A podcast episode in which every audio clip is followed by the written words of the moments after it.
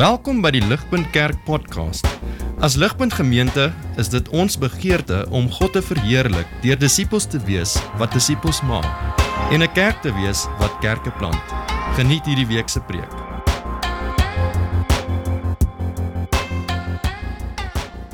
Goeiemôre, ek lees vir ons uit 1 Petrus 2 vers 1 tot 12. Dis die Afrikaans 2020 vertaling.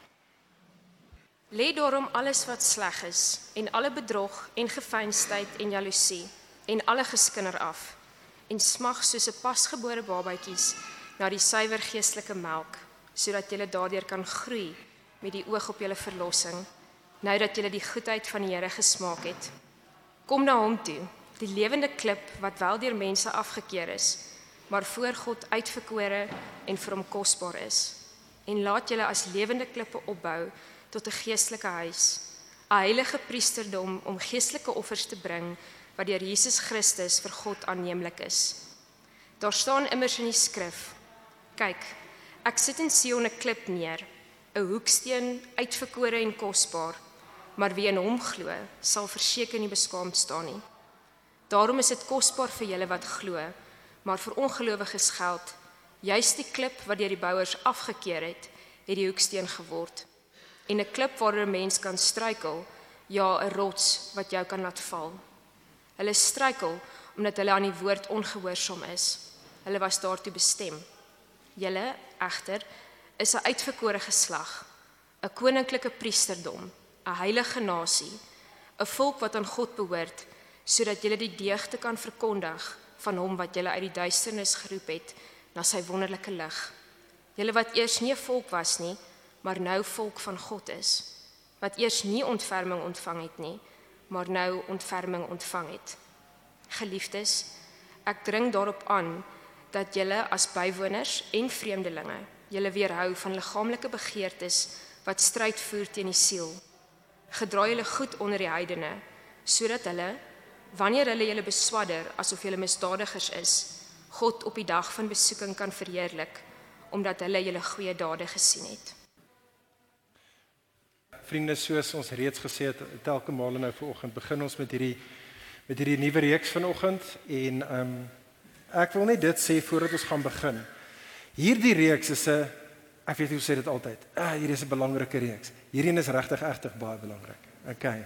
Want wat ons gaan doen in hierdie reeks is ja, ons gaan vir 5 weke besig wees, maar eintlik gaan hierdie reeks ons vir volgende 5 jaar, dalk 10 jaar, dalk wie weet hoe lank besig hou. Dis die tipe van reeks wat ons mee hier besig is. Ons is besig om saam te dink, Bybels te probeer saam dink. Wat is ons roeping as 'n geloofsgemeenskap? Wat is dit as ons kerk is? Wat is hierdie en wat behoort hierdie te wees en wat is die rigting waarin ons behoort te beweeg? En dit is wat ons hier gaan doen. Dit sal ook help as ek dit vir die ou locals sal sê. Hierdie reeks is in dieselfde asem as wat Ligpunt se diamant vir die laaste 10 jaar ons gedien het. Die diamant by Ligpunt is 'n manier wat ons probeer as 'n gemeente sin gemaak het dat ons is 'n vrygekoopte familie van dienaars op sending en daai was amper die taal wat ons gebruik om heeltyd perspektief te bekom oor ons lewe as 'n gemeente. Nou wat ons nou doen is nie dat ons sê daai is nie meer waar nie. Ons sit dit so klein bietjie in die spens vir nou en ons sê ons wil vars opnuut wil ons dink oor wat is ons roeping as 'n kerk. Alraai, so dis wat ons gaan doen in hierdie reeks. Baie belangrik, as jy vir die eerste keer nou hier is, is hierdie 'n goeie goeie reeks om by te wees. En so kom ek bid vir ons en vra dan vra ons dat die Here nou met ons sal ontmoet, met ons sal praat. Vader, ons het U so onsaglik nodig. Here, ons het soveel stemme wat ons hoor. Ons is so de mekaar op die beste van tye, Here. Ons het soveel perspektief gehad in Desember. En Here, ons voel al klaar dat ons nie meer weet waar om te gaan soos wat Januarie ons oorrompel en oorweldig het nie. En Here, ons loof en prys U dat ons kan sin maak van alle realiteit deur dit te grond in U storie, realiteit soos gedefinieer deur U in die Bybel. En so ek bid Heilige Gees kom nou gee ons krag, ontmoet met ons, versterk ons, vernuwe ons, verander ons sodat ons U kan verheerlik in hierdie wêreld. Ons bid dit in Jesus se naam. Amen. Vriende, ons is uh, almal vertroud met wat 'n kompas is. Ek hoop jy weet wat 'n kompas is. Ek weet ons mense met smartphones weet nie meer lekker eintlik wat kompasse is nie, maar 'n kompas is 'n navigasie-instrument wat gebruik word nê om rigting te bepaal. En baie eenvoudig hoe 'n kompas werk is dit is hierdie instrument en hy het hierdie naald, hierdie magnetiese naald. En wat daai naald doen is hy word belyn met en word beïnvloed deur die magnetiese noord van die van die aarde. En op daai manier kan jy kan jy vasstel waar is jy relatief tot magnetiese noord. En op daai manier kan jy begin rigting bepaal. En wat is die rigting waarin jy wil gaan? Maar vriende daar's verskeie invloede in hierdie wêreld wat maak dat jou kompas nie altyd vir jou die regte lesing gee nie. Ek dink die mees obvious teen sal ons sê nê nee, is is magnetiese velde as jy dalk ergens loop en daar's metaalvoorwerpe in die grond dan kan hy naald vir jou in 'n verkeerde rigting invat en hy kan vir jou 'n klein bietjie op die verkeerde koers kry net soos dit met waar van elektriese velde net soos dit waar apparently van ekstreme temperature as dit regtig ekstreme temperature is kan dit maak dat jou kompas en die rigting wat hy vir jou gee heeltemal haywire kan gaan en obviously dan natuurlik ook die fisiese skade as daar enigiets net klein bietjie fout is dalk met daai naald of met die kompas kan hy vir jou 'n verkeerde lesing gee. En die rede vriende, hoekom ek met hierdie beeld vanoggend begin, is omdat 'n kompas dien as 'n verskriklike behulpsame beeld vir jou en vir my om ons harte as die mens te verstaan. En as ek hier praat van hart, dan praat ek nie van daai orgaan wat bloed pomp nie. Ons verwys na die manier wat die Bybel die woord hart gebruik. Die hart vir die in die Bybel En eintlik 'n baie kulture histories, maar die hart is daardie plek in jou en my wat ons waar ons begeertes gesetel is. Wanneer ook al enigiemand in die wêreld of ek en jy, wanneer ook al ons sê ek wil. As jy die woorde gebruik ek wil, dan is dit die hart wat praat. Ons harte is heeltyd besig om vir jou en vir my die heeltyd in elke groot ding en in elke klein ding in hierdie lewe is jou en my hart besig om soos 'n interne kompas te funksioneer. Dit is jou en my hart wat vir ons sê, "Hey, hier gaan in hierdie rigting in. Eh, eh, skiet hierdie koers in, jaag hierdie ding na. Op hierdie paadjie gaan jy dit kry wat jy wil hê. Jy gaan daardie goeie lewe bekom." Maar die probleem vir ons vriende is gegee die feit dat ons almal van ons van nature af gefalle en gebroke mense is. In 'n gefalle en 'n gebroke wêreld beteken dat daar 'n magtom nê van kragte in hierdie wêreld wat heeltyd jou en my interne kompas, ons harte in die verkeerde rigting stuur. Daar's dinge, dink aan 'n magneet, daar's 'n dinge in hierdie lewe, goeie dinge wat aantreklik is. Dit trek jou en my aan, nê. Dit kan klomp goed wees, gemak of plesier of sukses of sekuriteit. En wat dit doen is jou hart hinker, daai naald van jou hart hinker in die rigting van daai dinge. En net soos daai dinge in hierdie lewe dink aan die magneet wat afstootlik is vir jou hart. En, en dit kan dinge wees soos swaar kry of dalk isolasie wat jy met alles in jou probeer vermy of verwerping wat jy probeer vermy of enige vorm van pyn of lyding en wat dit kan doen is dit kan maak dat jou hart die heeltyd deur probeer wegskram van sekere dinge in die lewe. En gevolglik is jou en my hart die heeltyd besig om ons op koers te sit. Ek weet nie of jy dit besef nie, maar elke dag, jou hele lewe, my lewe, is ons wat in rigtings in beweeg op soek na die goeie lewe en op die beste van tye eindig ons op in doodloopstrate. En vir hierdie rede dan hierdie reeks wat ons mee begin vandag. Die begeerte agter hierdie reeks is om ons harte, hierdie interne kompas in jou en my om ons toenemend te belyn met God se ware noord. Dis wat ons in hierdie reeks wil doen. Nou die taal vriende wat die Bybel gebruik in hierdie verband is nie heeltemal die taal van kompas per se nie, maar die taal en hierdie hele gesprek wat ons vandag het wat die Bybel gebruik het regtig te doen met die hele taal van roeping. En ek weet nie of jy bewus is van dit die, die idee van roeping is nogal 'n groot tema in die Bybel. Reg deur die hele storie van die Bybel, elke keer wanneer God besluit om in 'n verbondsverhouding te tree met 'n mense, dan roep hy hulle. En wanneer God hulle roep, jy kan dink deur al die stories in die Bybel, dan is hy besig om hulle te roep op 'n sekere lewenspaadjie. Dis nie maar net hy ek roep jou nie. Hy hy roep jou tot 'n sekere paadjie. Dit is asof God vir die mens sê, hoorie, jy gaan nou in verhouding met my wees. Hierdie ek, die Here, hierdie is die rigting waarin ek stap. Kom saam met my. Hierdie is my wil vir jou. Hierdie is my hart, sê God vir jou as die mens. En dit is die doel vriende van ons reeks. Wat ons wil doen is ons wil as 'n geloofsgemeenskap perspektief bekom. Ons wil duidelik wees oor maar wat is dit? Wat is ons Godgegewe roeping as die mense van God? OK, so dis wat ons gaan doen. Dis die doel van die volgende 5 weke wat ons saam met en hier's die ding, ons gaan vir die volgende 5 weke saam kyk na dieselfde teks.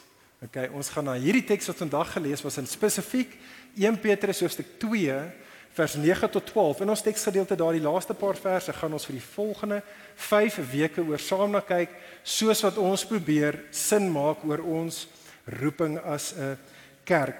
Jy sien hierdie brief was oorspronklik gepen deur Petrus. Dit was die eerste van Petrus se twee briewe en hy het hierdie brief oorspronklik in hierdie woorde wat ons op gaan fokus, het hy gepen oorspronklik vir 'n klomp kerke, nie net een kerk nie, 'n klomp kerke wat versprei was in die eerste eeu en wat ons vandag sal noem klein Asië. En wat ons kan sien in die hele brief is dat hierdie gemeentes, hierdie geloofsgemeenskappe het onsaglike druk ervaar. Hulle het vervolging ervaar en vir daai rede baie verwerping en saam met dit kom natuurlik baie um, versoekings en so hulle harte was op hol. En, en Petrus maak dit baie duidelik dit is ook maar die brief skryf. 1 Petrus 5 vers 12, heel aan die einde amper die laaste sin van die boek, sê Petrus vir hulle Hierdie brief wat ek geskryf het is die genade van God aan julle. staan vas daarin. sê hy. Dis dis die punt van die boek. Dis om mense soos ek en jy wat se interne kompasse rondspin met die druk van die lewe, wat nie lekker weet watter rigting om te gaan nie, om te sê hierdie is God se genade, kry perspektief op dit, staan vas in dit. Dit is die ding wat jou sal belyn met ware noord. En vriende, wat ons vandag gaan doen is bloot dit. Ek wil hê ons moet vandag net saam gesels oor die titel van hierdie reeks. En jy sou dalk die dit op die skerm gesien het vroeër. Die die titel van hierdie reeks is gegrond in God se storie. Dit is uiteindelik ons begeerte as 'n kerk wat ons wil doen en beter en toenemend so. Ons wil mense wees wat ons lewens grond in God se storie. Dit is die manier vir ons om ons Godgegewe roeping uit te leef. En so vriende, al wat ek wil hê ons nou moet doen is die volgende. Dit is al wat ons vandag gaan doen. Is ek wil hê ons moet beter verstaan wat bedoel ek of wat bedoel ons as ons sê ons het nodig om ons lewens in God se storie te grond. Wel dis woorde wat ons verstaan, maar ek weet nie of ons noodwendig duidelik is oor wat presies ons daarmee sê nie. So ons wil dit duidelik maak wat bedoel ons en en saam dink oor wat is die implikasies vir ons as 'n kerk. Alraight, so kom ons dink saam oor wat beteken dit en dit is hier waar daai verse 1 Petrus 2 vers 9 tot 12 vir ons so uh, behulpsaam gaan wees.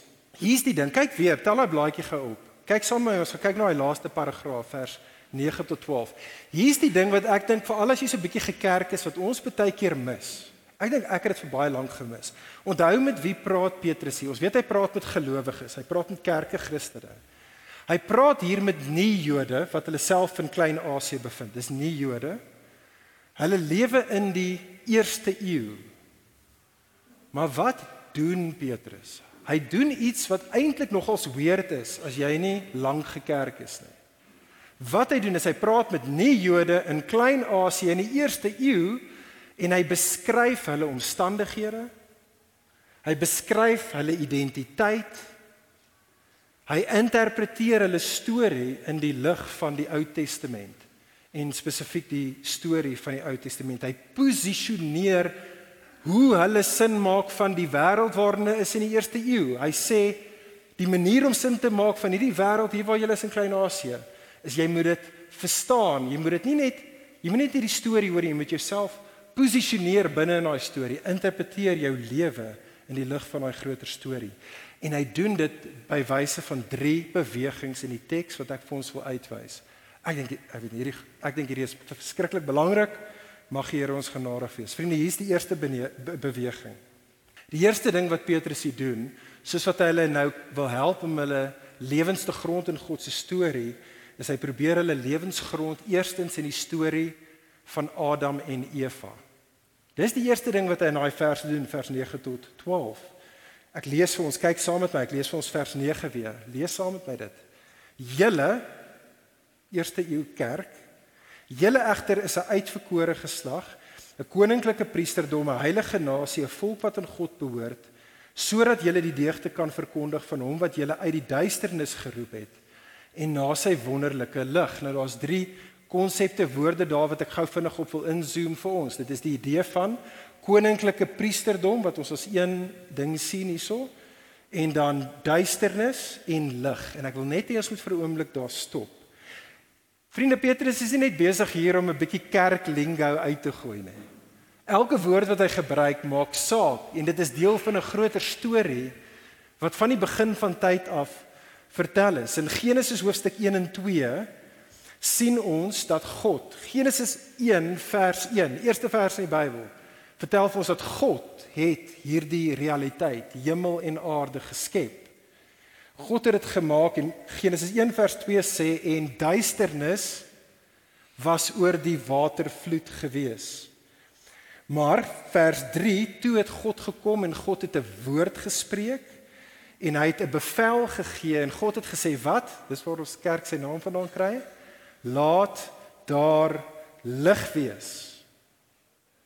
En so Genesis 1 vers 4 sê die teks, dis die begin van die storie van die Bybel, het God die duisternis en die lig van mekaar geskei. En julle ken die res van Genesis 1. God kom dan in hierdie die, die wêreld wat hy geskep het waar hy duisternis en lig van mekaar skei, gaan God en hy vul die aarde met sy hande werk en die kruin, die kroon van God se skepping is wat? ons, die mens, God skep die mens. En die ding wat ek wil hê ons moet weer eens hierso sien en hoor is dat God skep ons as die mens vir 'n baie baie spesifieke taak. Jy sien wat God doen, wat God doen is is dat God Genesis 1 vers 26 en 28 kom en hy sê vir die mens julle die mens is my koninklikes gaan oor hierdie aarde en gaan heers. Dis die taal twee keer daar in Genesis 1 vers 26. Julle is my koninklikes wat aangestel word onder my uiteindelike heerskappy om te gaan heers oor die aarde. Wat? Hoe lyk hierdie heers? Wel dis 'n dienende heers waar julle alles onder my uiteindelike heerskappy gaan inbring. Dit is hoekom ek julle geskep het vir hierdie rede. 'n Ander interessante ding is in Genesis 2 vers 15. In Genesis 2 vers 15 dit behoort op die skerm ook te wees. sien ons in Genesis 2 vers 15 dat dat dat uh, Adam en Eva word in die tuin geplaas om die aarde te bewerk en op te pas. Nou daai woordjies is woorde dat ek en jy die oorspronklike Hebreë sou lees sou dit vir ons so as ek 'n rooi ligte gemaak het of happy dis happy rooi ligte hierdie want wat dit is is daai is presies die woorde wat gebruik word om die priesters in die tempel se job description te verduidelik. Presies dieselfde twee woorde is dat die priesters in die tempel moes daardie tempel area area bewerk het en opgepas het. Presies dieselfde twee woorde hier. En dit is die punt, vriende, wat gemaak word reeds vir ons in Genesis 1. Die punt is is dat die mens is geskep vir hierdie rede. Dink gou oor wat het priesters gedoen in die Ou Testament? Priesters het in God se teenwoordigheid gelewe anders as die res van die mense om God te dien en te aanbid en om ander mense in staat te stel om ook in God se teenwoordigheid te kan kom en hom te kan dien en aanbid. Dis wat priesters gedoen het. En dit vriende is die storie van Adam en van Eva. Dis die kritiese eerste hoofstuk in die storie van God se mense. En dit is waarna Petrus verwys as hy in vers 9 sê Christene, hierdie is wie julle is. Onthou julle storie. Julle is se mense ja na die sondeval weer terug in 'n wêreld van duisternis in. Maar ek het gekom en ek het julle uit daai duisternis uit gaan roep. Ek het julle uit daai duisternis uit gaan haal en ek het julle gebring terug in my wonderlike lig in. Hoekom? Hoekom? Om 'n nuwe storie te skryf? Was die, was God se eerste storie was dit 'n God het gesit daar en hy 'n storie geskryf. Ah, hierdie werk en lekker uit. Ek kom ek vrommel dit op en gooi dit in die asblik en begin met 'n nuwe storie? Nee. Nee, ons is vriende geskep as die mens sodat ons konings en priesters kan wees in hierdie wêreld van chaos, 'n wêreld van gebrokenheid. Ons is geroep om te kom en op 'n goeie manier te kom heers, om mense te bring in God se heerskappy en waar ook al ons die chaos en die gebrokenheid van die wêreld te sien om om dit om, dit te probeer herstel in die krag van die Here en so ook dan om mense dat ander ook vir God sal dien en aanbid. En vriend, vriend, kan ons net hierso stop vir 'n oomblik en gou vinnig net dink oor elkeen van ons lewens en hier praat ek met jou as jy 'n Christen is uh of as jy glad nie 'n Christen is nie, want wat ek nou oor wil praat, het nie eers uit te waai of jy 'n Christen is nie. Hierdie is waarvan almal van ons by wyse van die feit dat Adam en Eva se bloed vloei in elkeen van ons. En so kan ek jou vra, mens, is ek en jy besig om ons fundamentele roeping as mens, dit waarvoor ek en jy geskep was, is ons besig om dit te vervul. As jy dink aan die storie van jou lewe tans, Christen of nie Christen, lewe jy in lyn met God se wil vir jou lewe, die rede hoekom daar asem is wat in jou longe is en hoekom jou hart nou klop. Net net hier af in die straat nê is die Porsche garage my my laities het net vanoggend weer oor Porsches gepraat toe ons hier aangery het. Imagine dat iemand skenk vir jou 'n Porsche. Okay, imagine dit. Iemand gee vir jou 'n Porsche. Dis joune. Dis nie net verleen om vir 'n rit te gaan nie. Dis jou Porsche en jy klim met hom en jy ry met hom en jy ry met hom al die pad na Namibië toe en jy vat hom en dan gaan ry jy daai duine uit met jou Porsche. Ek kan vir jou waarborg as jy dit doen, gaan dit een Dit gaan nie 'n lekker ervaring wees nie. 2, dit kom teen 'n hoë koste. Dit kom teen 'n baie hoë koste vir jou en vriend vriendin, so is dit vir almal van ons. So is dit vir jou en vir my. Ons ek en jy as die mens is geskep om God se koninkryk uit te bou. Ons is nie geskep om ons eie koninkryke uit te bou nie.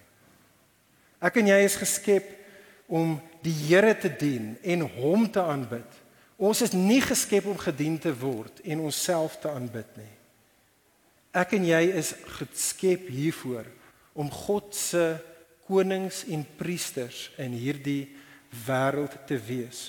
Vriende, is dit nie dalk ten minste deels ten minste deels van die rede dat op die beste van tye is die interne kompas binne in jou en my so klein bietjie angstig heeltyd besig om links en reg te gaan. Nooit regtig heeltemal 100% nie angstig nie. Heeltyd op soek na maar waar moet ek gaan? Wat moet ek doen wat me gaan voel dat I have arrived? Is dit nie moontlik vriende omdat ons ons skepingsdoel om te lewe vir God se koninkryk en om ander te bring in aanbidding van hom dat ons dit moontlik nie vervul nie. En so ligpunt Ek wil ons aanspoor tot dit as 'n kerk gesamentlik. Hierdie is hierdie is ons begeerte. Dit is die dit is soos die fondasie vir ons roeping as 'n kerk wat ons regtig wil vorentoe wil mekaar aan hierdie storie oor en oor toenemend beter herinner. Ek dink vriende en ek praat hier, dis dalk net ek. Dalk gaan jy sê Poen is net jy, dis nie ons nie. Maar ek dink dat ten minste ek baie keer, ek gaan sê ons oorkompliseer die Christenlewe so bietjie. Ek dink ons oorkompliseer Wat dit beteken om 'n Christen te wees so bietjie. Ek dink dis behulpsaam om self te herinner aan die storie van Adam en Eva. Wat dit beteken vriende, stop gou vir 'n oomblik. Dis ek dink dis so eenvoudig soos dit is moeilik. Dis bonatuurlik, maar dis so eenvoudig soos dit. Ek en jy lewe in 'n wêreld waar alles 'n geskenk is. Alles. Jou lewe is 'n geskenk, alles om jou, alles om ons is 'n geskenk vanaf God af.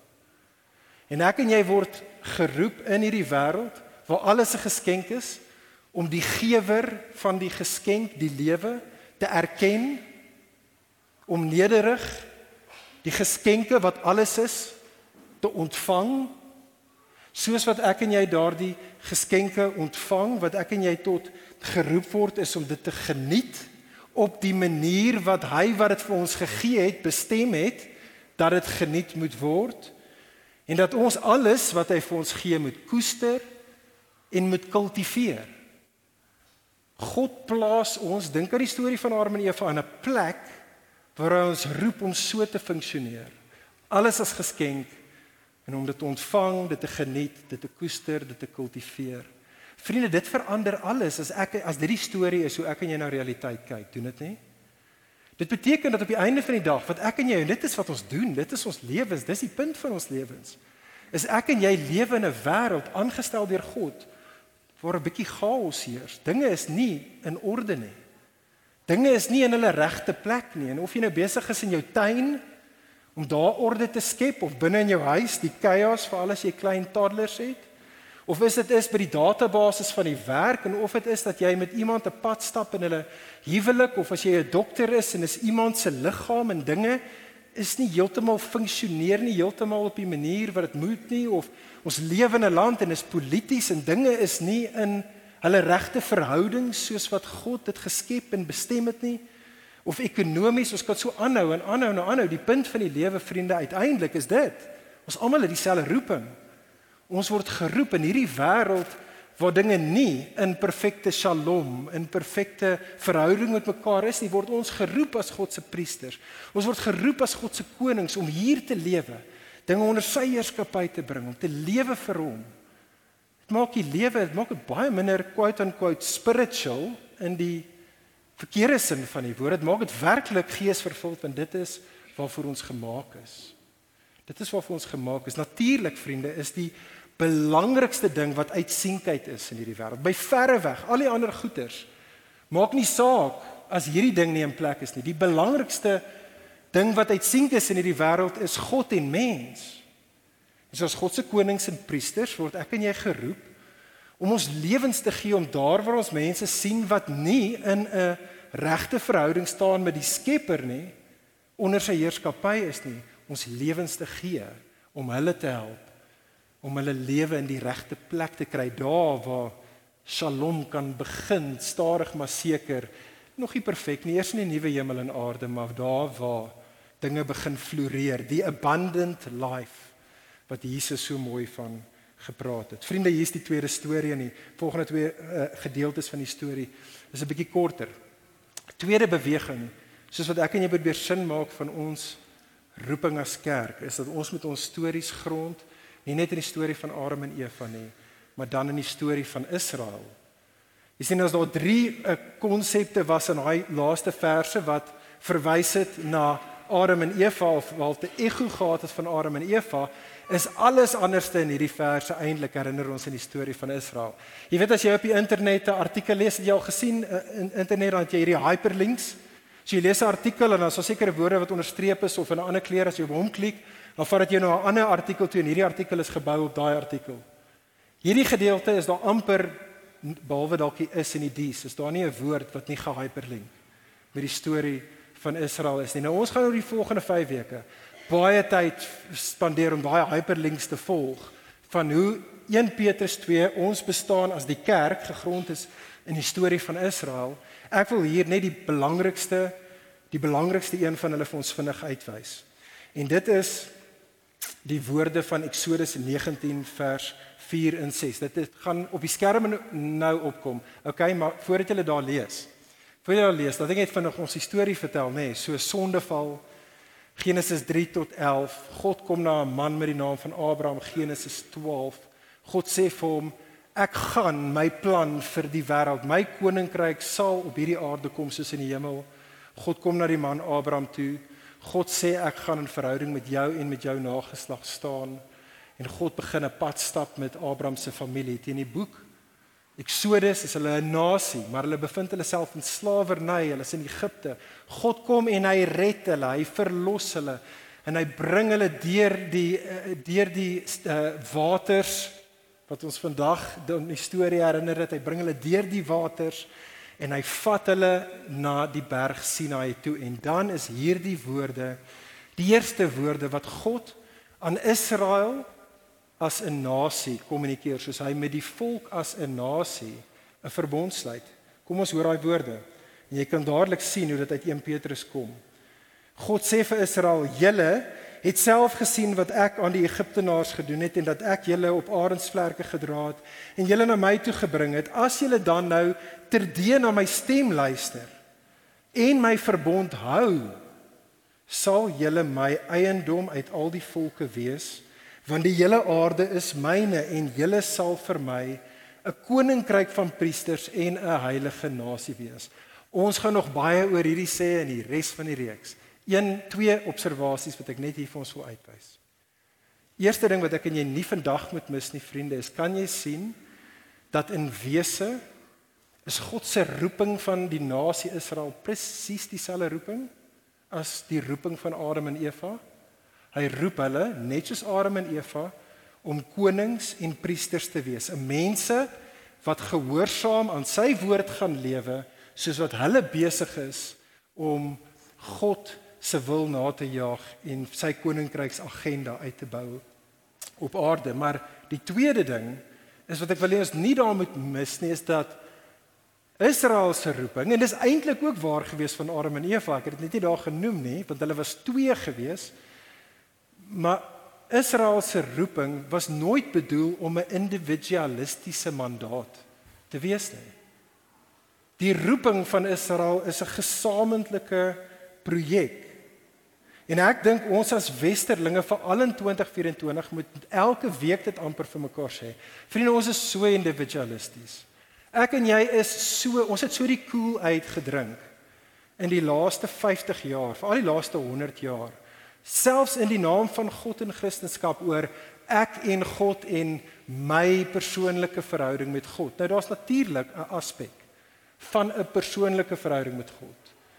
Maar ons as individualiste in 2024 vat daai ding heeltemal te ver dat ons met 'n weergawe van Christendom en selfs van kerk vorendag gekom het wat die kerk vir die laaste 2000 jaar glad nie sou herken nie.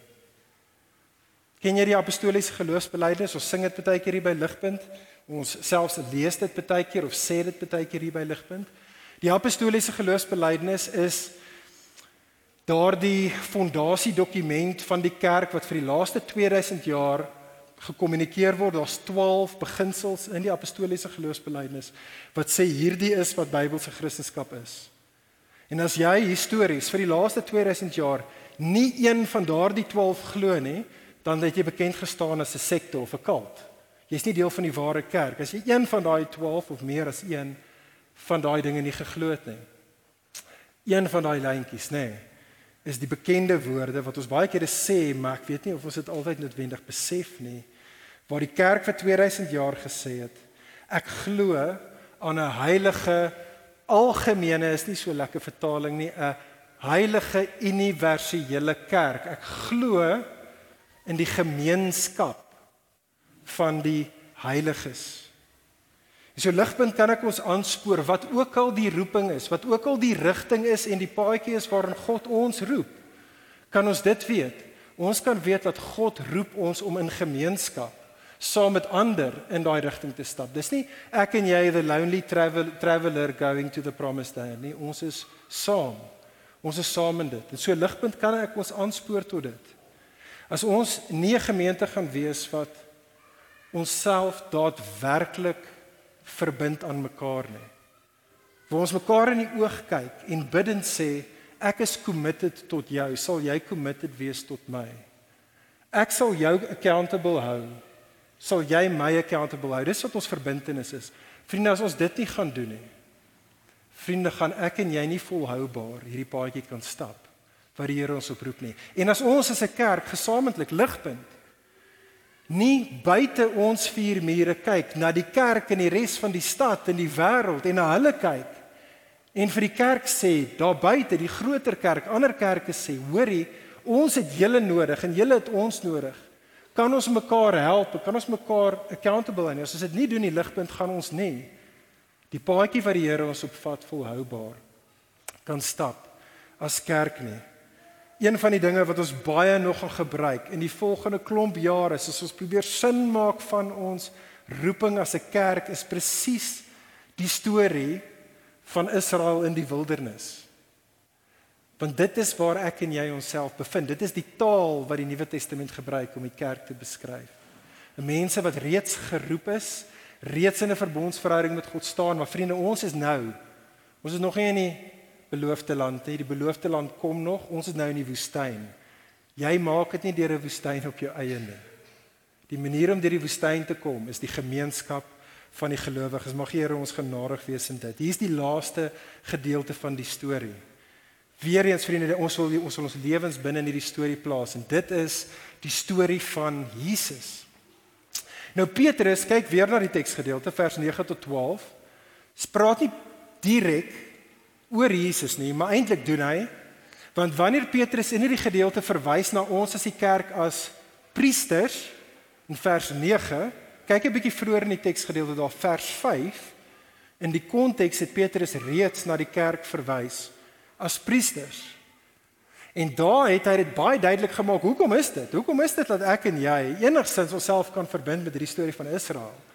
Selfs die storie van Adam hulle maar dat ons osself kan priesters noem. Wat is die rede daarvoor? Wel, hoofstuk 2 vers 5. Die rede is is want ons is verbind met Jesus. Kan jy dit daarso sien vers 5? Dit is deur Jesus dat ons 'n heilige priesterdom is.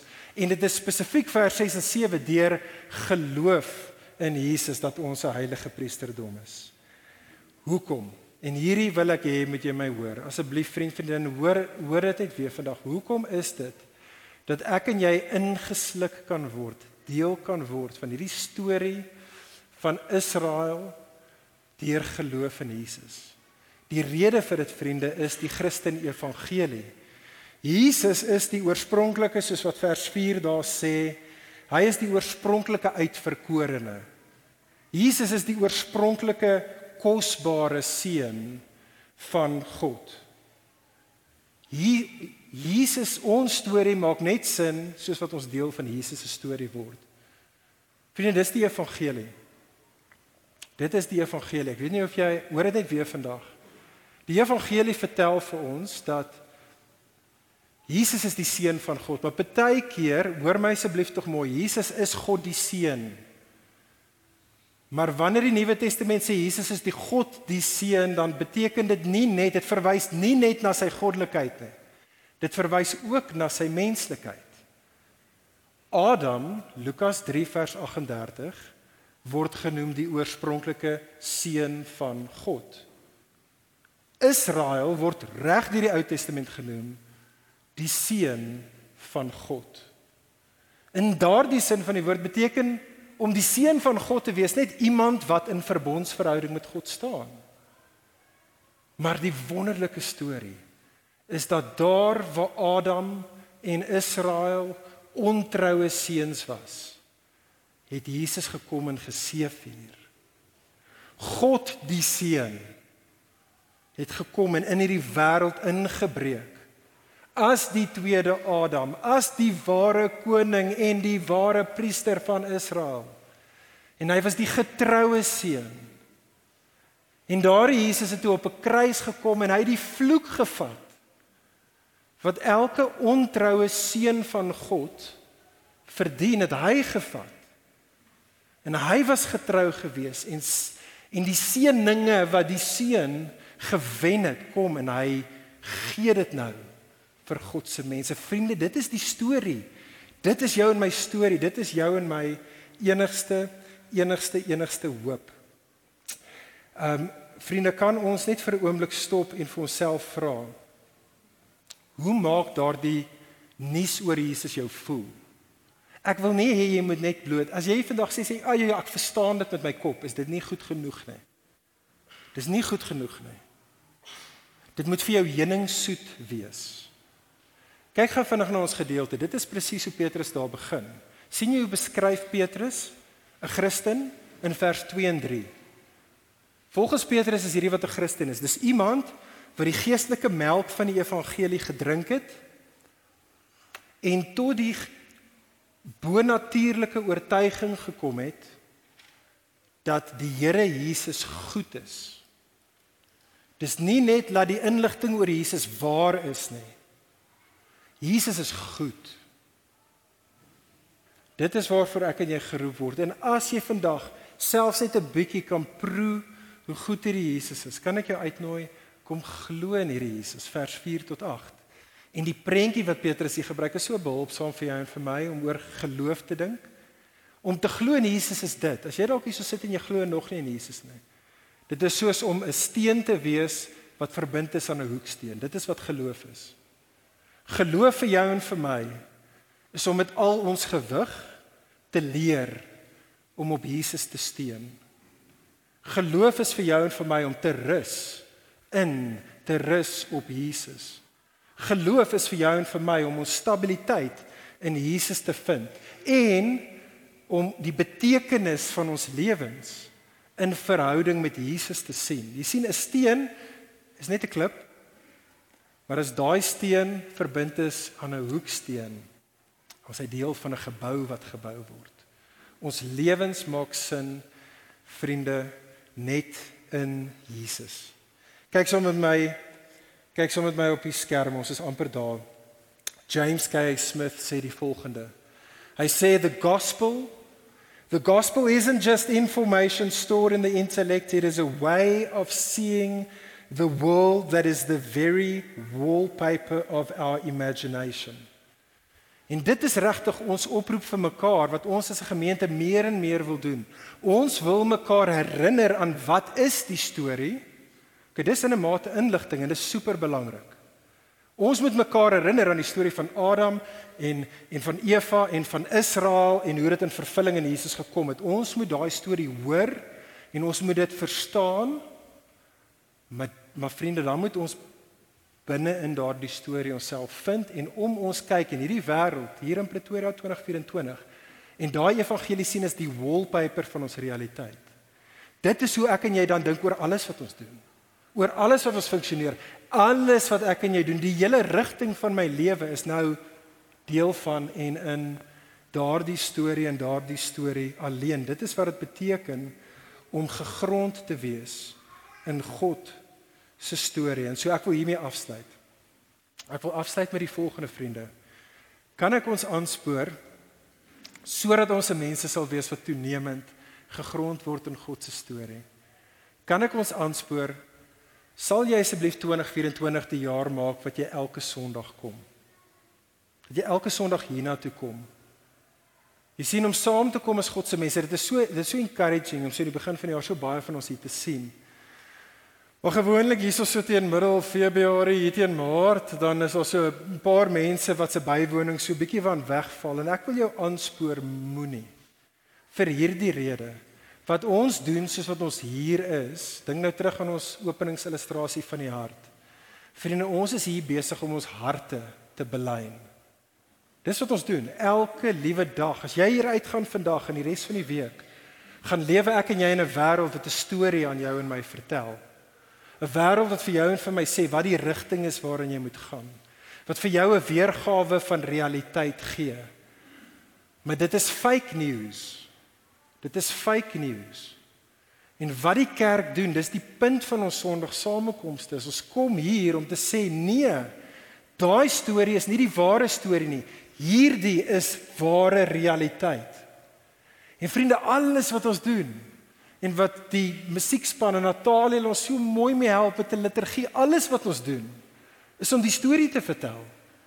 Elke woord wat gesê word, liedjie wat gesing word, die gebed wat gebid word, die prediking daarvan wanneer ons die sakramente van die nagmaal of die doop bedien en alles wat ons doen is die heeltyd besig om vir jou en vir my te sê onthou jy wat is waar onthou jy die storie kom rus in hierdie plek, kom vind in hierdie plek, kom vind jou eie lewe, laat jou eie lewe geshape word deur hierdie storie, kom grond jou lewe daarin. En so vriende, ek wil ons tot dit roep. James K. Smith sê dit so mooi, my laaste woord aan ons. Hy sê dit so mooi. Hy sê the way that we are being restored is by continually being restore read. The way that we get restored is by being restore read.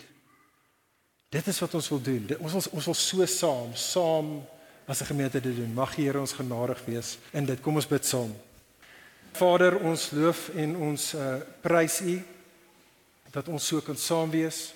Here, ons dankie o God dat ons saam met U kan wees hier. Ons dankie dat ons elke week so kan saamkom.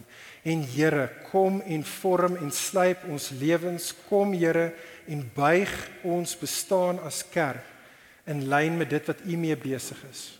Here, kom en grond ons in die storie, nie net vandag nie, maar elke dag tot daardie dag o Heer wanneer ons in die beloofde land saam met U vir alle ewigheid in die nuwe hemel en aarde sal wees. Kom seën ons o Heer. Amen. Vir meer inligting oor Ligpunt Kerk, besoek gerus ons webwerf op www.ligpunt.com of kontak ons gerus by info@ligpunt.com